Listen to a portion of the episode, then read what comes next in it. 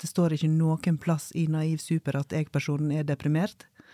Eh, men jeg tenkte, det var det første jeg tenkte når jeg begynte å lese i boka på nytt nå, at han er deprimert. Det tenkte jeg aldri den gangen jeg leste den. Nei, men tenkte du det nå? Ja, nå tenkte jeg det Ja, ikke sant? Ja. Ja.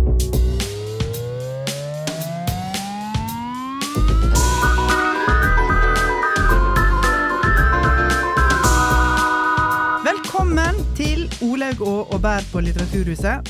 I dag skal vi snakke om 90-tallet. Vi har eh, selvfølgelig ingen ambisjoner om å dekke alt som skjedde i det tiåret. Verken litterært eller historisk eller politisk eller musikalsk, men vi har begge lest romanen 'Detaljene' av svenske Ia Jenberg, der handlinga foregår nettopp på 90-tallet. Og det inspirerte oss til å snakke om tiåret da vi begge var i livets vår. Tiåret da Erlend Lo slo gjennom med Naiv Super. Og nå sa jeg at vi var i livets vår. Hvor gammel var du på 90-tallet, Marie? Jeg fylte elleve år i eh, 1990. Så begynte jeg på eh, X-Fill, vel, i 1999. Så dette var virkelig sånn mine tenår, eller eh, ungdomsår. Mm. Ja, og samme her. Jeg er født ett år før deg, men eh, ja, det var ungdomsskolen, det var videregående, og det var studietid.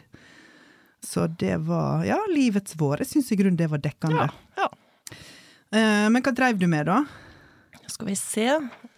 Helt vanlig ungdom med et sterkt ambisjonsnivå. Ja. Gikk musikklinje. Det var sånn um, på videregående. Gikk på folkehøyskole. Mm. Spilte piano. Leste veldig mye. Var ganske nerd. Begynte å drikke seint. Ah, ja. Ja. Mm. Der traff jeg noe. Mm. Mm. Hva med deg? Eller hva er å begynne å drikke seint? 18, da. Å ja. ja. Nei, jeg begynte å drikke før. Nei, uff, det kan jeg nesten ikke Jo, men nå, nå, skal, nå skal det komme fram her. Uh, for det Ungene er dine hører ikke på dette. Nei, de hører ikke på dette. Men eh, ting jeg gjorde på 90-tallet For eksempel så tok jeg piercing i nesa på klassetur i niende klasse. Altså nå, nå er jo det tiende klasse, altså siste år på ungdomsskolen. Og da husker jeg at eh, jeg hadde planlagt dette og visste at det gikk an liksom å, å få gjort dette og få utført dette uten at foreldrene mine skulle blande seg inn, og da var vi i Scarborough. Og så spurte jeg, eh, gikk jeg rundt og spurte Do you know where I can take a hole in the nose? Den Og så et par år I'll miss you senere- like a hole in the nose. Ja, I'll miss you like a hole in the nose. Og et par år seinere så sneik jeg og to venninner oss til å reise på Roskilde uten at foreldrene våre visste det. De trodde vi var i køge. For først hadde vi spurt om vi kunne få lov å reise på Roskilde, og alle fikk nei. Og så, noen dager seinere, spurte vi kan vi få lov å reise på ferie til Køge, som er en liten, helt uinteressant To kilometer unna? Ja. Nei, ikke litt mer, men en togtur unna. Og så, og så bodde vi da i Køge, og så reiste vi med toget til Roskilde hver dag. Ekstremt lettlurte foreldre. da. ja! Huff a meg, ja. Jeg var veldig opptatt av musikk. Eh, Jeg var veldig opptatt av eh, politikk og rettferdighet. Og fordeling. Mm. Sånne ting. Jeg var litt sånn i politiske ungdomsorganisasjoner en stund. ja. Men etter hvert så gikk jeg vel over til å bare Bare være opptatt av musikk og rettferdighet sånn på Ja. privaten. Ja, jeg var veldig lite politisk engasjert, og jeg har skrevet en bok som heter Få meg på, for faen. Og i den boka så er det en karakter som har veldig lyst til å være radikal, og som er misunnelig på folk som kunne gå på Blitz på daglig basis, noe vi ikke kunne gjøre i Førde. Og den karakteren er litt basert på meg. Ja, jeg, jeg husker veldig godt at da jeg var sånn 14-15, så var jeg veldig misunnelig. Jeg også, på folk som gikk på Blitz. Men eh, jeg ville ikke finne på å gå på Blitz, for Nei. eh, mamma var litt skeptisk, og det Jeg var veldig snill. Ja, altså, når vi skulle reise på klassetur til Oslo, samfunnsfagklassen på videregående, så skulle jeg overnatte hos uh, fetteren min, som bodde vel på Grünerløkka, tror jeg, altså. Men i hvert fall da var samfunnsfaglæreren litt skeptisk til det, for han trodde at det var et litt belasta område. ja, Ja. ok, 90-tallet. Ungdomstid og studietid. Og så er det jo ganske lenge siden, etter hvert. Og litt gøy å snakke om av den grunn. Men altså, innfallsvinkelen vår er jo romanen eh, 'Detaljene' av Ia Jenberg. Og det var du som leste den først, fordi du skulle intervjue Ia Jenberg her i Oslo. Mm. Eh, var hun grei? Ja, Jeg syns hun var veldig kul. Ja, Ei svensk dame. Mm. Ja. Hva slags bok er det? Det er en eh, roman som begynner med at eh, hovedpersonen eh, har feber. Den starter under covid, egentlig. Hvor feberen får en litt sånn prostsk madeleinekakefunksjon, sånn at hun blir sendt tilbake i sin egen fortid. Trekker ut en bok av Paul Auster av bokhylla, hvor det står en dedikasjon fra Johanna, som hun var kjæreste med. Boka skildrer fire personer som på ulike måter har vært innom hennes liv, og forsvunnet eh, ut av det igjen. Og det er kanskje sånn at den handler mest om det å være glad i andre mennesker. Eller hvordan vi formes av eh, andre. Jeg syns den var veldig, veldig fin. Den er ikke lang, og eh, den sier likevel så utrolig mye. Men eh, 90-tallsimpulsen her kommer jo fra at eh, mye av den foregår på 90-tallet, og rundt millenniumsskiftet, som eh, også opptrer eh, i romanen. Og det er så morsomt beskrevet, da. Det er liksom sånne markører der som gjør at du blir litt sånn Å ja, herregud, sånn var det! Liksom, sånn var det. Så det var jo litt grunnen til at jeg fikk lyst til å bruke den som en inngangsport til hvordan 90-tallet, altså vår ungdomstid, skildres. Ja. Og det som uh, iallfall jeg tenker først og fremst er 90-tall som er boka, utover at det er jo en del sånn tidsmarkører, både i hva slags bøker de leser, og hva de ser, og hvordan samfunnet er. Men uh, det er to hovedtemaer som Hoved-90-tallstema, da. Og det ene er at det var ikke så lett å finne og få tak i hverandre som det er nå. Og det andre er at det tilsynelatende ikke fantes psykiatriske diagnoser. Kanskje litt diskutabel påstand, men vi kommer tilbake igjen til det. Men en 90-tallsmarkør er telefonkatalogen. Hvordan er den beskrevet i boka? Jeg kan jo lese litt om det fra boka. Hun skriver at det var en tid da folk som hadde forsvunnet, var vanskelig å finne. Det er slett ikke lenge siden. Mange som lever nå, husker hvordan det var å miste noen for alvor, og ser fram til neste utgave av telefonkatalogen, bære den inn fra oppgangen der de lå i hauger. A til M og N til Ø, pluss gule sider, en plastbelagt pakke på seks eller sju kilo i armene, og hvordan det var å sette seg på gulv i entreen og føre fingeren nedover en side på jakt etter noen som var tapt å syne, for å se om vedkommende kanskje var med dette året. Ja, men altså, dette er helt eh, Jeg kjenner følelsen med en gang, altså. Og jeg husker til og med når de slutta å ha tjukke telefonkataloger og gikk over til liksom Altså et snevrere region, som du da fikk en tynn versjon som var litt lettere å slå opp i. Men det var jo tynne blad i telefonkatalogen, og tett i tett i tett med linjer. Og det der med å miste hverandre og ikke kunne finne hverandre igjen, det skjer òg, for de er jo på Roskilde, da. De òg. Eh, altså Roskilde fins vel fremdeles Mm. som en festival, Roskildefestivalen. Men jeg, jeg føler liksom at det var så masse viktigere med Roskilde på 90-tallet. Det er vel sannsynligvis fordi det var da vi var unge. Men hvis du er på Roskilde nå og mister noen, så kan du sende en melding, og vi møtes der og der. Det kunne en jo ikke da. Og en ting som skjer her, er jo at hun mister eh, følget sitt allerede like etter inngangen, og finner det ikke igjen på flere dager. Og hun slår opp en lapp på den store oppslagstavla like ved inngangen, men de andre har tydeligvis ikke satt opp noen lapp, og har ikke gått og funnet hennes lapp. Så finner ikke de andre igjen før de møtes tilfeldig. Og eh, nå har jo jeg allerede fortalt at jeg har vært på eh, Roskilde, og den gangen så var jo vi tre venninner, det var jo veldig viktig at vi var sammen da, for det hadde jo vært helt katastrofalt hvis vi faktisk mista hverandre, mens vi egentlig ikke var på Roskilde. Eh, Vi mistet hverandre i Køge, det var kjemperart. ja. Ikke sant. Ja, nei, men, men vi mista hverandre, og så skulle vi Vi hadde jo avtalt at hvis vi mista hverandre, så skulle vi bare gå til toget, som, altså det toget som vi hadde planlagt å ta. Eh, Men eh, da to av oss mista den tredje, så var vi likevel så nervøse at den ene av oss da skrev med vannflaska, eller spruta vann ned på veien der på gangveien mellom festivalen og, og togstasjonen. Så prøvde å skrive en beskjed med vann på veien. som vi Idiotsikker metode. Men hun var heldigvis der. Men har du òg mista noen på Ja, Roskilde? ja, ja. Altså, var det med kjæresten min i 99, vel. Og da skulle vi møte en uh, venninne som var den vi skulle slå leir med, ved en eller annen utgang, da. Og hun dukka ikke opp, så vi mm. satt der i sånn fire timer. Og hadde ikke noe sted å slå opp uh, teltet. så det endte med at vi havna sånn i en pisserenne omtrent da, med det der teltet. Og ikke fant igjen de vi skulle være med på sånn to dager eller noe sånt, sånn som jeg husker det. Mm. Så det der er jo noe alle kjenner veldig igjen. Men uh, en ting som driver denne romanen enda mer, annet enn sånne episoder som man husker veldig, eller kjenner veldig godt igjen, mm. det er jo rett og slett der at personer som var viktige for deg, kunne jo faktisk ja. forsvinne ut av livet ditt, fordi ja. du hadde ikke noen måte å nå dem på. Mm. I, uh, I, denne boka er det fire mennesker som skildres. Det er denne kjæresten Johanna som vi allerede har nevnt, som det blir slutt med. Så er det venninna Nikki, som er en litt sånn gæren, eksplosiv, spennende og forferdelig venninne som bare bestemmer seg for å dra til eh, Galway en dag mm. med, med, en ny kjæreste. Og jeg-personen får ikke tak i henne. Så hun kan være hvor som helst i Galway. Mm. Og det er jo ingen måte å spore opp henne på, for eh, de står jo ikke i telefonkatalogen.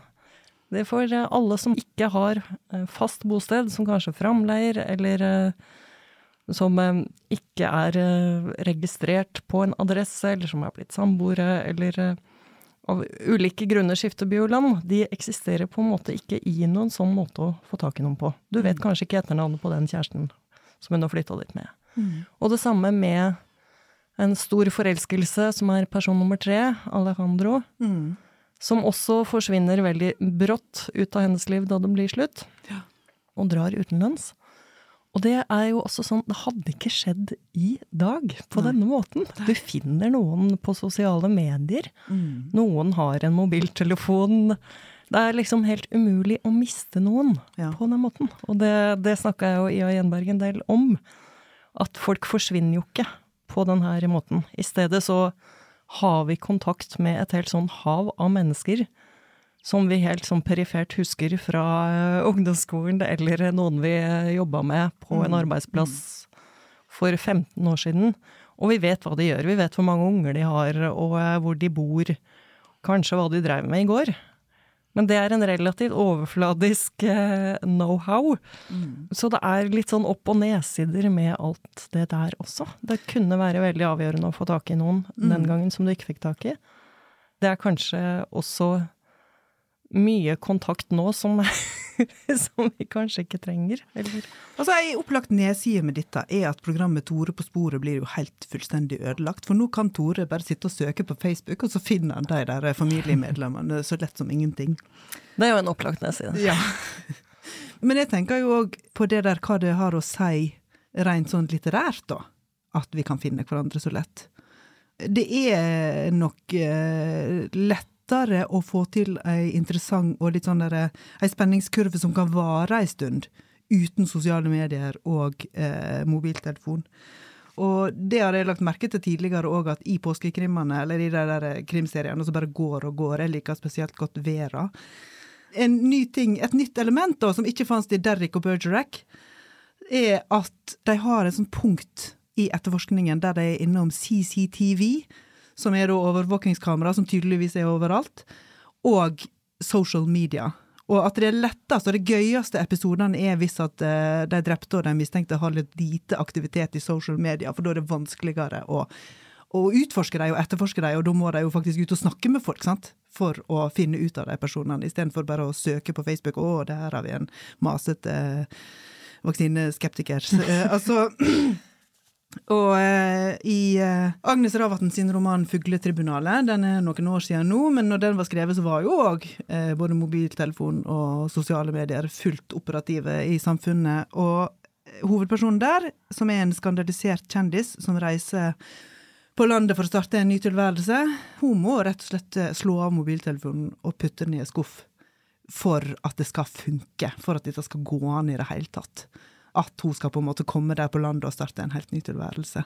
Så, så går det an å si, Marie, at mobiltelefon og sosiale medier har ødelagt for forfatterne? Kanskje litt. På den annen side har så mange nye muligheter som vi ikke hadde før. ja. Men uh, Helle Helle, altså danske forfatter Helle Helle, lar mange av sine bøker i hvert fall foregå pre-mobil og sosiale medier. Mm.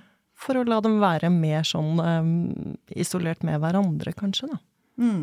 Ikke kunne fordrive tida på den måten, ikke kunne ringe etter hjelp eh, nødvendigvis eh, sånn som eh, du kan nå. Mm. Mm.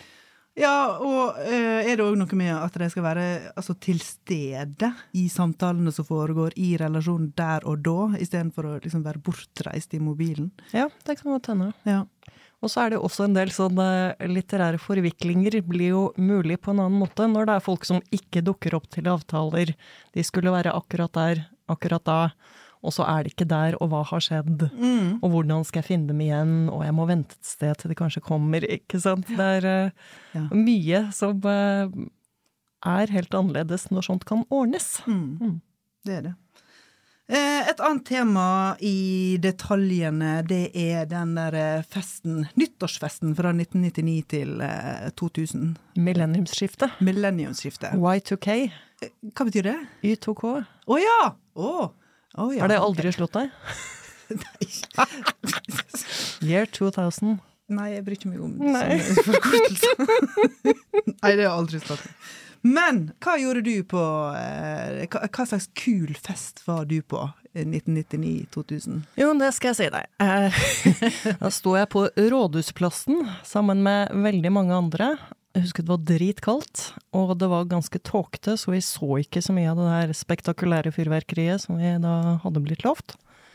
Og så gikk jeg hjem eh, til en venninne, jeg tror vi var sånn åtte stykker, da, og spiste suppe. Det var en veldig sånn prosaisk, litt sånn antimillenniumsfeiring. Jeg husker også godt at da vi eh, forlot Rådhusplassen og kom ut sånn eh, via Rosenkrantz gate inn på Karl Johan, den første sangen jeg hørte dundrende ut fra et utested, det var den der You and me baby and nothing but mammals, so let's do it like they do on the Discovery Channel. Med Bloodhound Gang.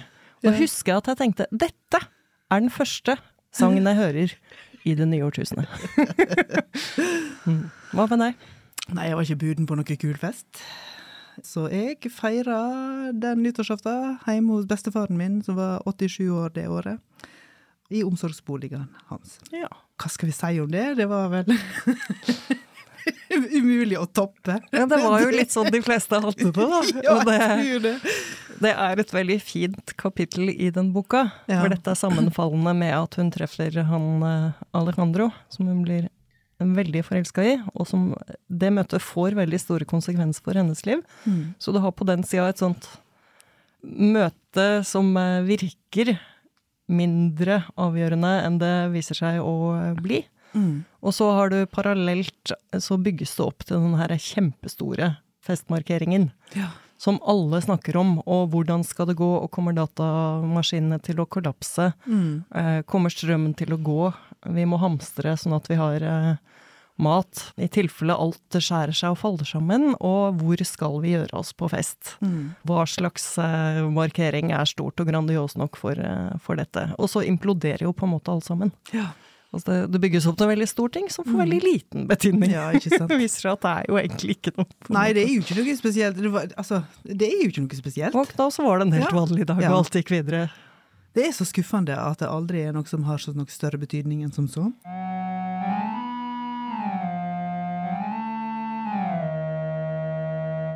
Jeg beit meg òg veldig merke i det at uh, Ia Gjenberg skriver masse om psykiatriske diagnoser, som ikke fantes, mener hun da, eller hovedpersonen, jeg-personen, mener det at det var ingen som fikk psykiatriske diagnoser, det var bare gærne. Og det er særlig to av karakterene da som hun tenker er gærne.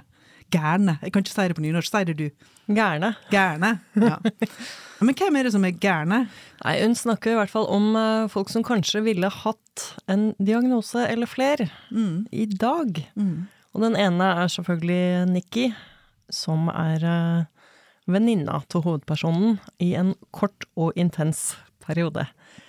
Nikki er det veldig mye sånn moro og eh, intensitet og kaos rundt.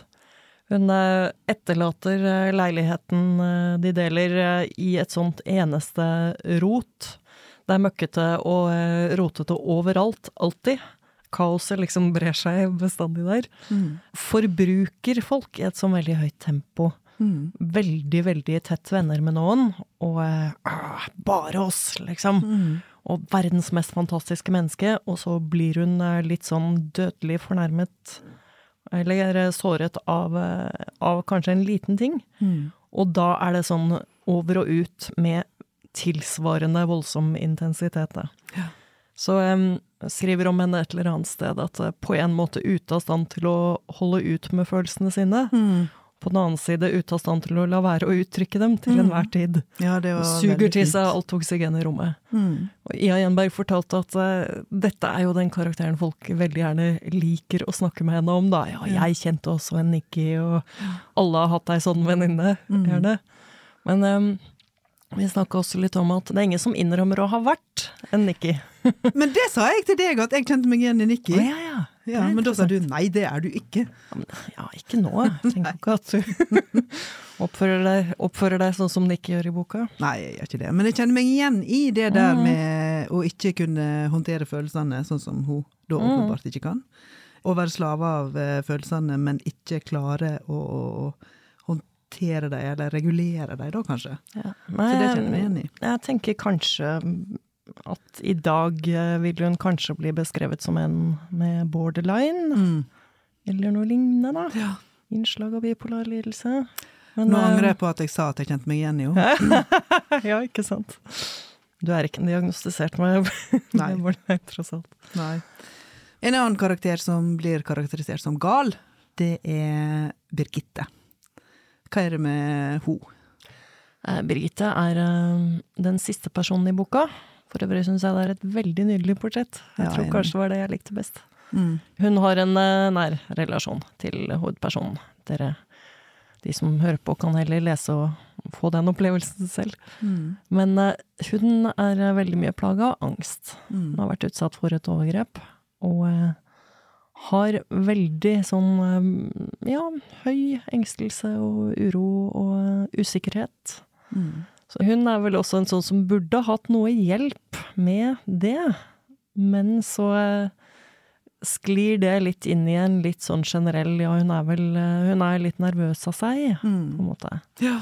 Så det viser jo både litt sånn oppsider og nedsider ved den manglende bruken av diagnoser. Altså der eh, man får ikke lov å knagge eller putte inn altfor mye av seg selv i et diagnosespråk. Samtidig er det jo veldig tydelig at eh, begge disse kunne jo antagelig eh, hatt eh, glede av mer Mm. regulering og hjelp. Ja.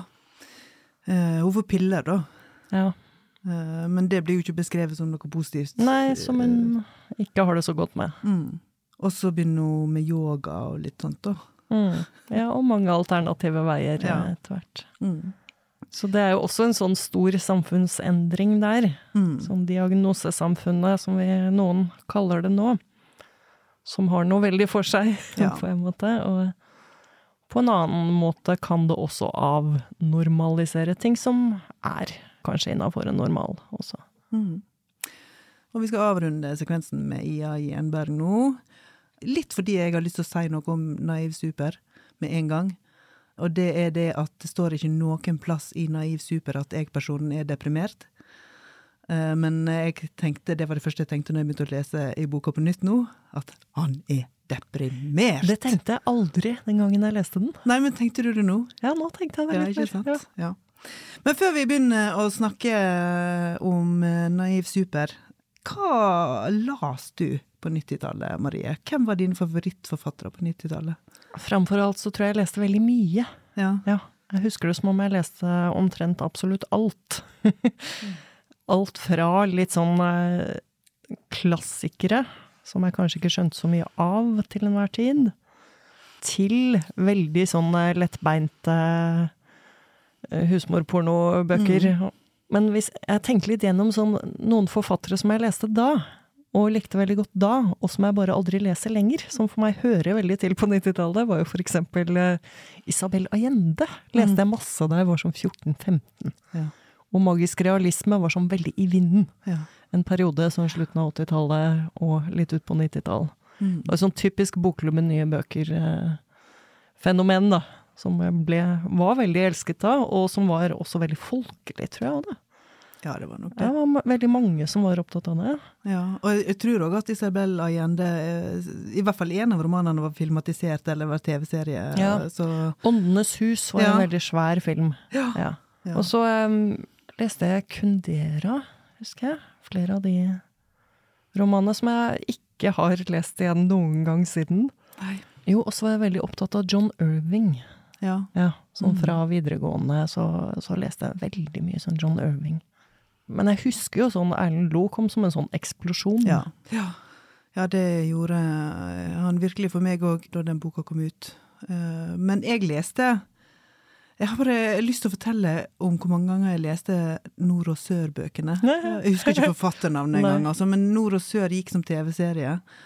Og jeg var så forelska i han som spilte George i Nord og Sør. Og jeg veit at dette er, det, det er jo en referanse som ingen tar, andre enn eh, noen veldig få. Men, men Nord- og Sør-bøkene jeg leser jeg altså så mange ganger, og de eh, storesøstera mi har de ennå i hylla. og de er så utlest at de er teipa med sånn brun, tjukk teip bakpå. For vi Mhm. leste de begge to, igjen og igjen.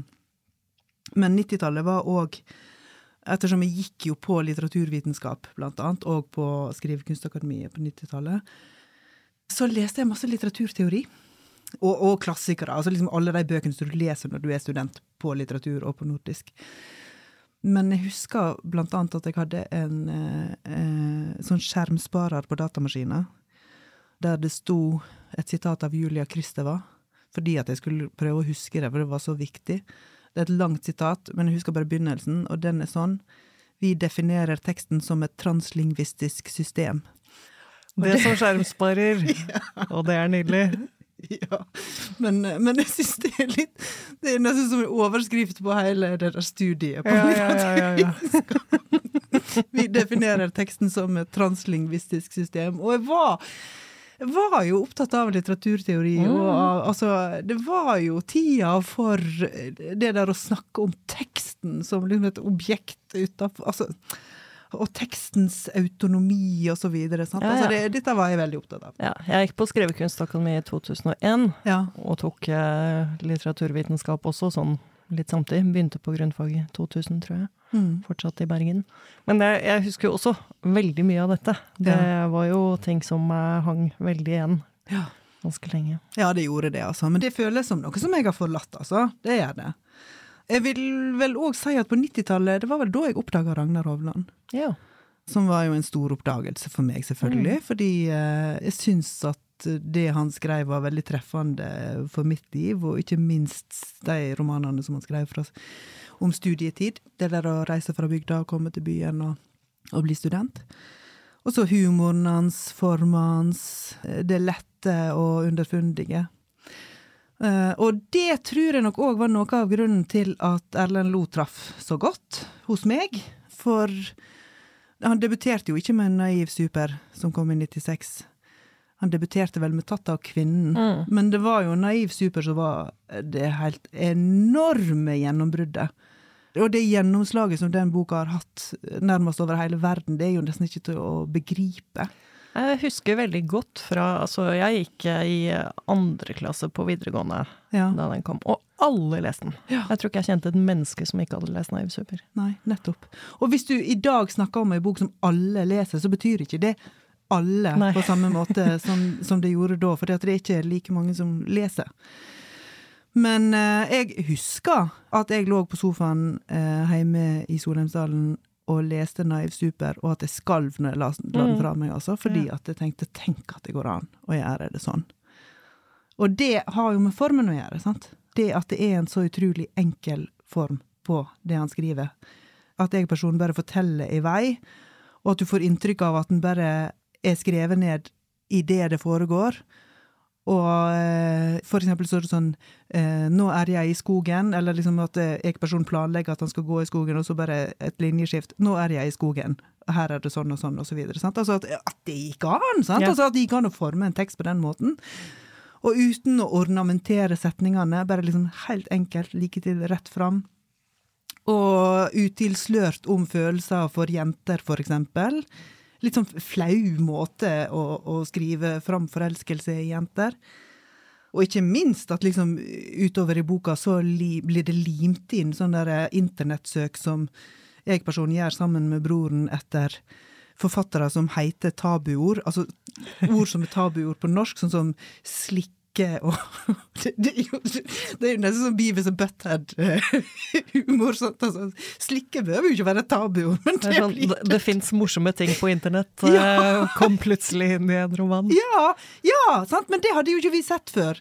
Eh, Nei, men hvis også... noen hadde limt det inn i en roman i dag Nei, det hadde ikke gått. Ja, liksom. ja, sant. Nei, det hadde ikke gått. Men det var jo kjempemorsomt. Og så husker jeg også at jeg begynte å skrive utrolig mange ting i listeform. Mm. Alle lagde lister. Etter å ha lest Naiv super. Ja, for det var masse lister. Da, den boka består jo ganske mye av lister, ja. egentlig. Eller det er mange lister. Ja, Han skriver lister, altså jeg personen skriver lister om ting jeg liker, ting mm. som gjør meg glad, osv. Altså ting som gjør meg redd. Og så er det veldig masse faksing. Mm. Han har en venn. Han har en god venn og en dårlig venn. Og det òg, liksom bare å begynne ei bok med jeg har én god venn og én dårlig venn. Mm. Jeg har en bror. Jeg tror jeg er litt mer sympatisk enn broren min. Ikke sant? Altså, det er helt uhørt, på en måte. Eller det var i hvert fall det da. Og den ble jo kalt for uh, naivistisk. Men vil du si at den er det? Uh, den er jo i hvert fall ikke naiv, for at den er jo gjennomarbeida i dramaturgi og i form. Og den har jo en uh, Altså, jeg hadde ikke funnet meg i å lese ei bok som var skrevet i dag med alle de der innlimingene. Det hadde jeg ikke, for det var greit å gjøre det da, men i dag hadde det vært for billig. Det var jo som om jeg skulle ta en screenshot fra ei Facebook-oppdatering som jeg var spesielt fornøyd med å lime inn i en roman, liksom. Det, nei. Men, eh, men den eh, Jeg syns jo ikke at den er naiv i forståelsen av hva den hovedpersonen baler med. Og jeg syns jo at det han går igjennom, eller den prosessen han går igjennom, og jeg tenker jo at det er en depresjon han går igjennom, jeg syns den er godt beskrevet. Jeg syns det er gjenkjennelig for alle som har balt med lignende ting. Og så de tinga han gjør for å få det bedre, som han sjøl finner på, og det som han får hjelp av andre, det er jo lure ting, sant? Altså, han gjør jo på en måte alt det rette. For boka er jo på en måte litt sånn um, gjøre opp status over sitt liv. Mm. Uh, han uh, blir helt til starten av boka så satt ut over å bli slått i krokket av sin bror at mm. han bryter sammen. Mm. Det er et sånt vippepunkt. Ja. Og uh, at han er litt sånn utafor og borte, ja. Ja. Og må finne igjen sitt liv, nesten. Mm. Det er sånn jeg leser det på mange måter. Ja, og, og, og, det han da gjør, er å slutte på studiet, mm. slutte i jobben, flytte inn i broren sin leilighet fordi broren skal være vekka en stund. Så han starter jo på en måte. Det er jo en restart. Som han har mulighet til å gjøre fordi at han eh, ikke trenger å ha inntekt akkurat da, og kan bo gratis i broren sin leilighet. Og fordi at verden er så overveldende for han, og takk og lov at internett bare så vidt var begynt. Ja. For uh, han hadde jo ikke tålt dagens internett og sosiale medier, han fyren her. I hvert fall ikke i den livsfasen. Men det han gjør, er jo altså han kjøper seg en ball og står ute i bakgården og kaster en ball på veggen, og det er jo en enkel aktivitet som minner meg f.eks. om å strikke eller legge puslespill. Sant? Altså sånne ting for å bare slippe unna kaoset i i hodet. Og så kjøper han seg et bankebrett, og det er jo det som er det mest kjente liksom, mm. Eh, elementet fra den boka, det bankebrettet. For det òg er så enkelt å ordne liten ting å holde på med. Så han sitter og banker og banker og banker og føler en trygghet og ro og stabilitet. Da jeg var sånn 17-18, eh, så leste jeg jo dette bare med sånn humorbriller, ja. ikke sant? Jeg syntes det var så morsomt. Ja. Å, kjøper seg et bankbrett, og så hiver han en ball mot en vegg, og eh, litt sånn der. Ja. Nå leser jeg det jo mer som sånn der Ja, han skaffer seg flytaktiviteter, liksom. Ja. Det er jo helt riktig når man, når man er deprimert. Ikke sant? Nå leser jeg det jo med, både med voksenbriller og med nåtidsbriller. Ja. Mm. Vil du si at uh, Naiv Super var definerende for en hel generasjon? Jeg vil nesten si det. Ja. det. det. er jo sånn som er veldig enkelt å si, men jeg tror faktisk den eh, hadde veldig stor innflytelse på uh, folk på min alder som uh, skrev. Mm. Og Jeg tror også den ble litt sånn eh, betydningsfull for hvordan man betraktet en oppvoksende generasjon. Mm. Og den beskriver han jo kanskje enda mer i den eh, boka som kom etter, som heter L. Ja. Som eh, egentlig handler om at han og hans vennekrets drar til en sydhavsøy. Men der sier han jo på en måte at vi er den generasjonen som ikke bygde landet, for Mm. alt var jo ferdigbygd for oss.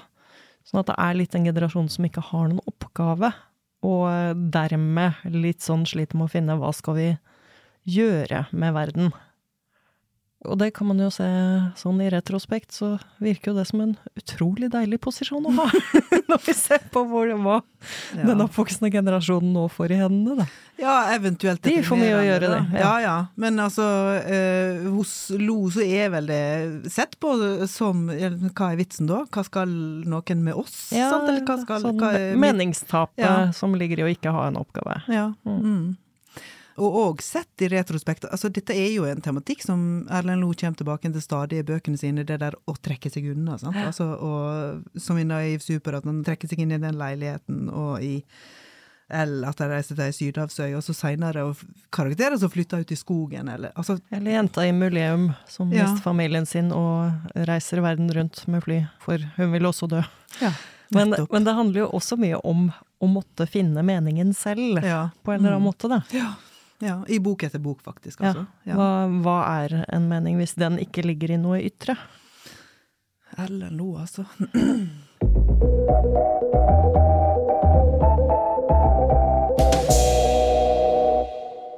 Nå skal vi snart avrunde.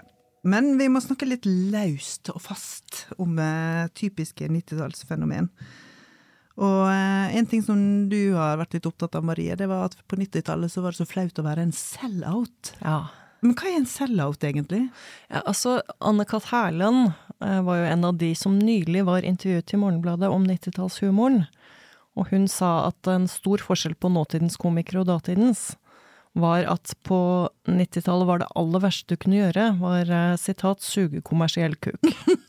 Ja. Altså, hvis du på en måte var sponset av eh, kapitalistiske interesser, eller eh, til og med hvis du var litt for populær og tok deg litt for godt betalt, Ja. så mista du på en måte all integritet og troverdighet ganske raskt. Mm. Og det var jo en ganske nådeløs ting. Det kan du se på eh, både hvordan grungeband snakka om seg selv. Ja. We'll never sign with a major label. Mm. Ikke sant? Det skal vi love fansen vår at vi aldri gjør. ja. Men gjorde de det likevel? Altså Selve den tidlige grungebevegelsen var veldig knytta til eh, at du ikke var for poppis. Ja, altså. I hvert fall ikke tok mye betalt av fansen din. Nei. En av mine yndlingsfilmer fra den tida, som midt på 90-tallet, var Reality Bites. ja, ja. oh, ja. Med Ethan Hawke og. Winona Ryder. Ja, og masse sånn flanellskjorter og Ja, ikke sant? Ja. Og Mm. der er jo selve mm, knuten i filmen er at uh, Winona Ryder blir beilet til av uh, Ben Stiller, Mm. som uh, er en tvers igjennom snill fyr, men han eh, forstår ikke hennes kunstneriske integritet og, vil, eh, og klipper om eh, filmen hennes, så den blir en ugjenkjennelig og Ja. vulgær eh, kommersiell sak. Så dette kan aldri gå. Nei, det kan Mens Ethan Hawke, som behandler henne som dritt i hele filmen, han er liksom autentisk og forstår hvem hun er, på en annen måte. Mm. Altså Denne analysen har jeg også fra en annen podkast som heter Decoder Ring, Ja. som jeg syns folk bør høre, om populærkulturelle fenomener. De hadde en morsom episode om selve sellout-begrepet. Ja. En av anekdotene fra litteraturens verden der er eh, Jonathan Franzen og Oprah Winfrey. Eh, Dette var riktignok i 2001, men dette betrakter jeg som veldig sterke som 90-tallsidealer. Eh, Jonathan Franzen ga ut The Corrections, korrigeringer. Stor amerikansk roman, som ble valgt ut som hovedbok i Operas bokklubb, som var ganske nyetablert. Mhm. Det betydde at den ble annonsert at denne måneden leser vi den. Så solgte du helt vanvittig mye. På slutten av måneden da så ble forfatteren invitert til studio og skulle snakke. Men eh, Jonathan Franzen sleit altså så fælt med å liksom bli innlemmet uh, i et sånt uh, selskap av eh, lesere som han aldri hadde tenkt at han skulle ha. Altså han ville jo gjerne selge mye. faktisk. Mm. Men å få litt sånn der å plassere det, det syns han var ganske vanskelig. Så han prøvde liksom å distansere seg fra det med Ja, nå er jo ikke jeg en, egentlig en del av dette sirkuset, og ga liksom litt sånne intervjuer som stadig ga sånn spark til eh, til de leserne, og sa litt sånne ting som at det er jo ikke sånne lesere man ønsker seg, nesten. Så det endte med at uh, Opera trakk invitasjonen tilbake, ja, jeg og ikke inviterte han. Ja. Ja.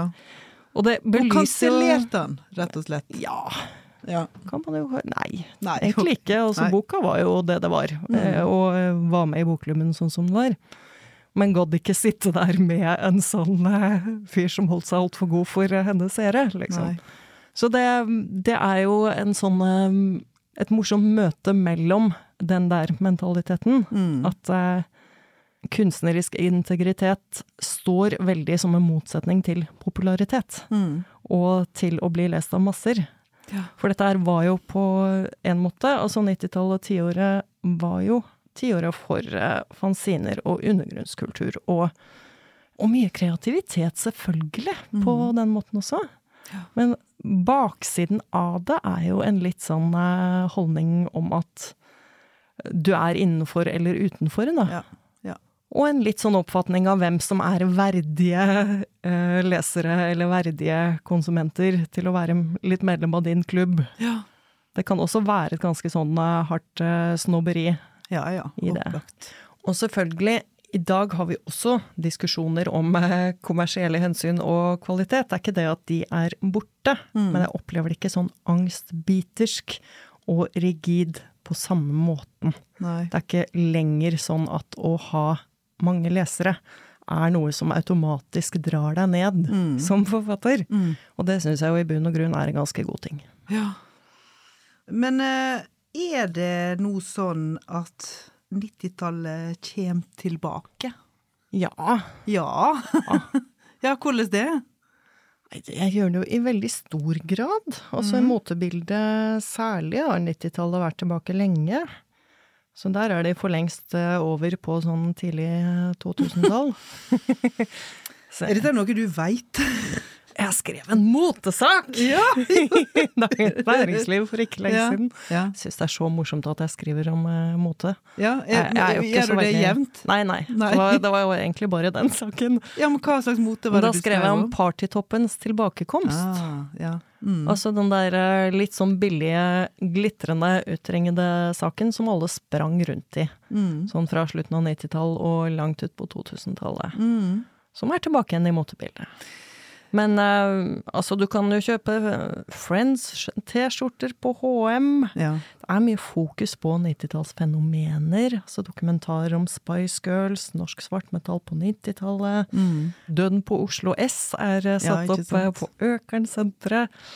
Og jeg ser jo det litt sånn, sånn som det her i Ia Gjenbergs bok også. Altså den mottagelsen den får ja, av Mm. anmeldere er jo også en sånn veldig sånn jublende 'herregud, en bok om min ungdomstid'! Ja, ikke sant? Ja, ja, ja. Så jeg ser ikke bort fra at vi ser en sånn eh, generasjonsoppvekst, eh, Mm. etter hvert. Som tilsvarer litt sånn bøkene om 70-tallet, eller eh, om å vokse opp på 60-tallet tidligere. Mm. Skrivetips, med andre ord. Mm. Men eh, jeg kom på nå at i eh, Du er bonde av Kristin Auestad Danielsen, som kom vel ut i fjor eller i forfjor, der eh, har hun en ganske lang sekvens der hun skriver om plagget body. Oh, ja. Eh, husker du bodyen? Ja, ja, ja. Det var jo jeg hadde en. slags Hadde du en? Hadde. Ja, for det var jo et sånt slags eh, badedraktaktig plagg.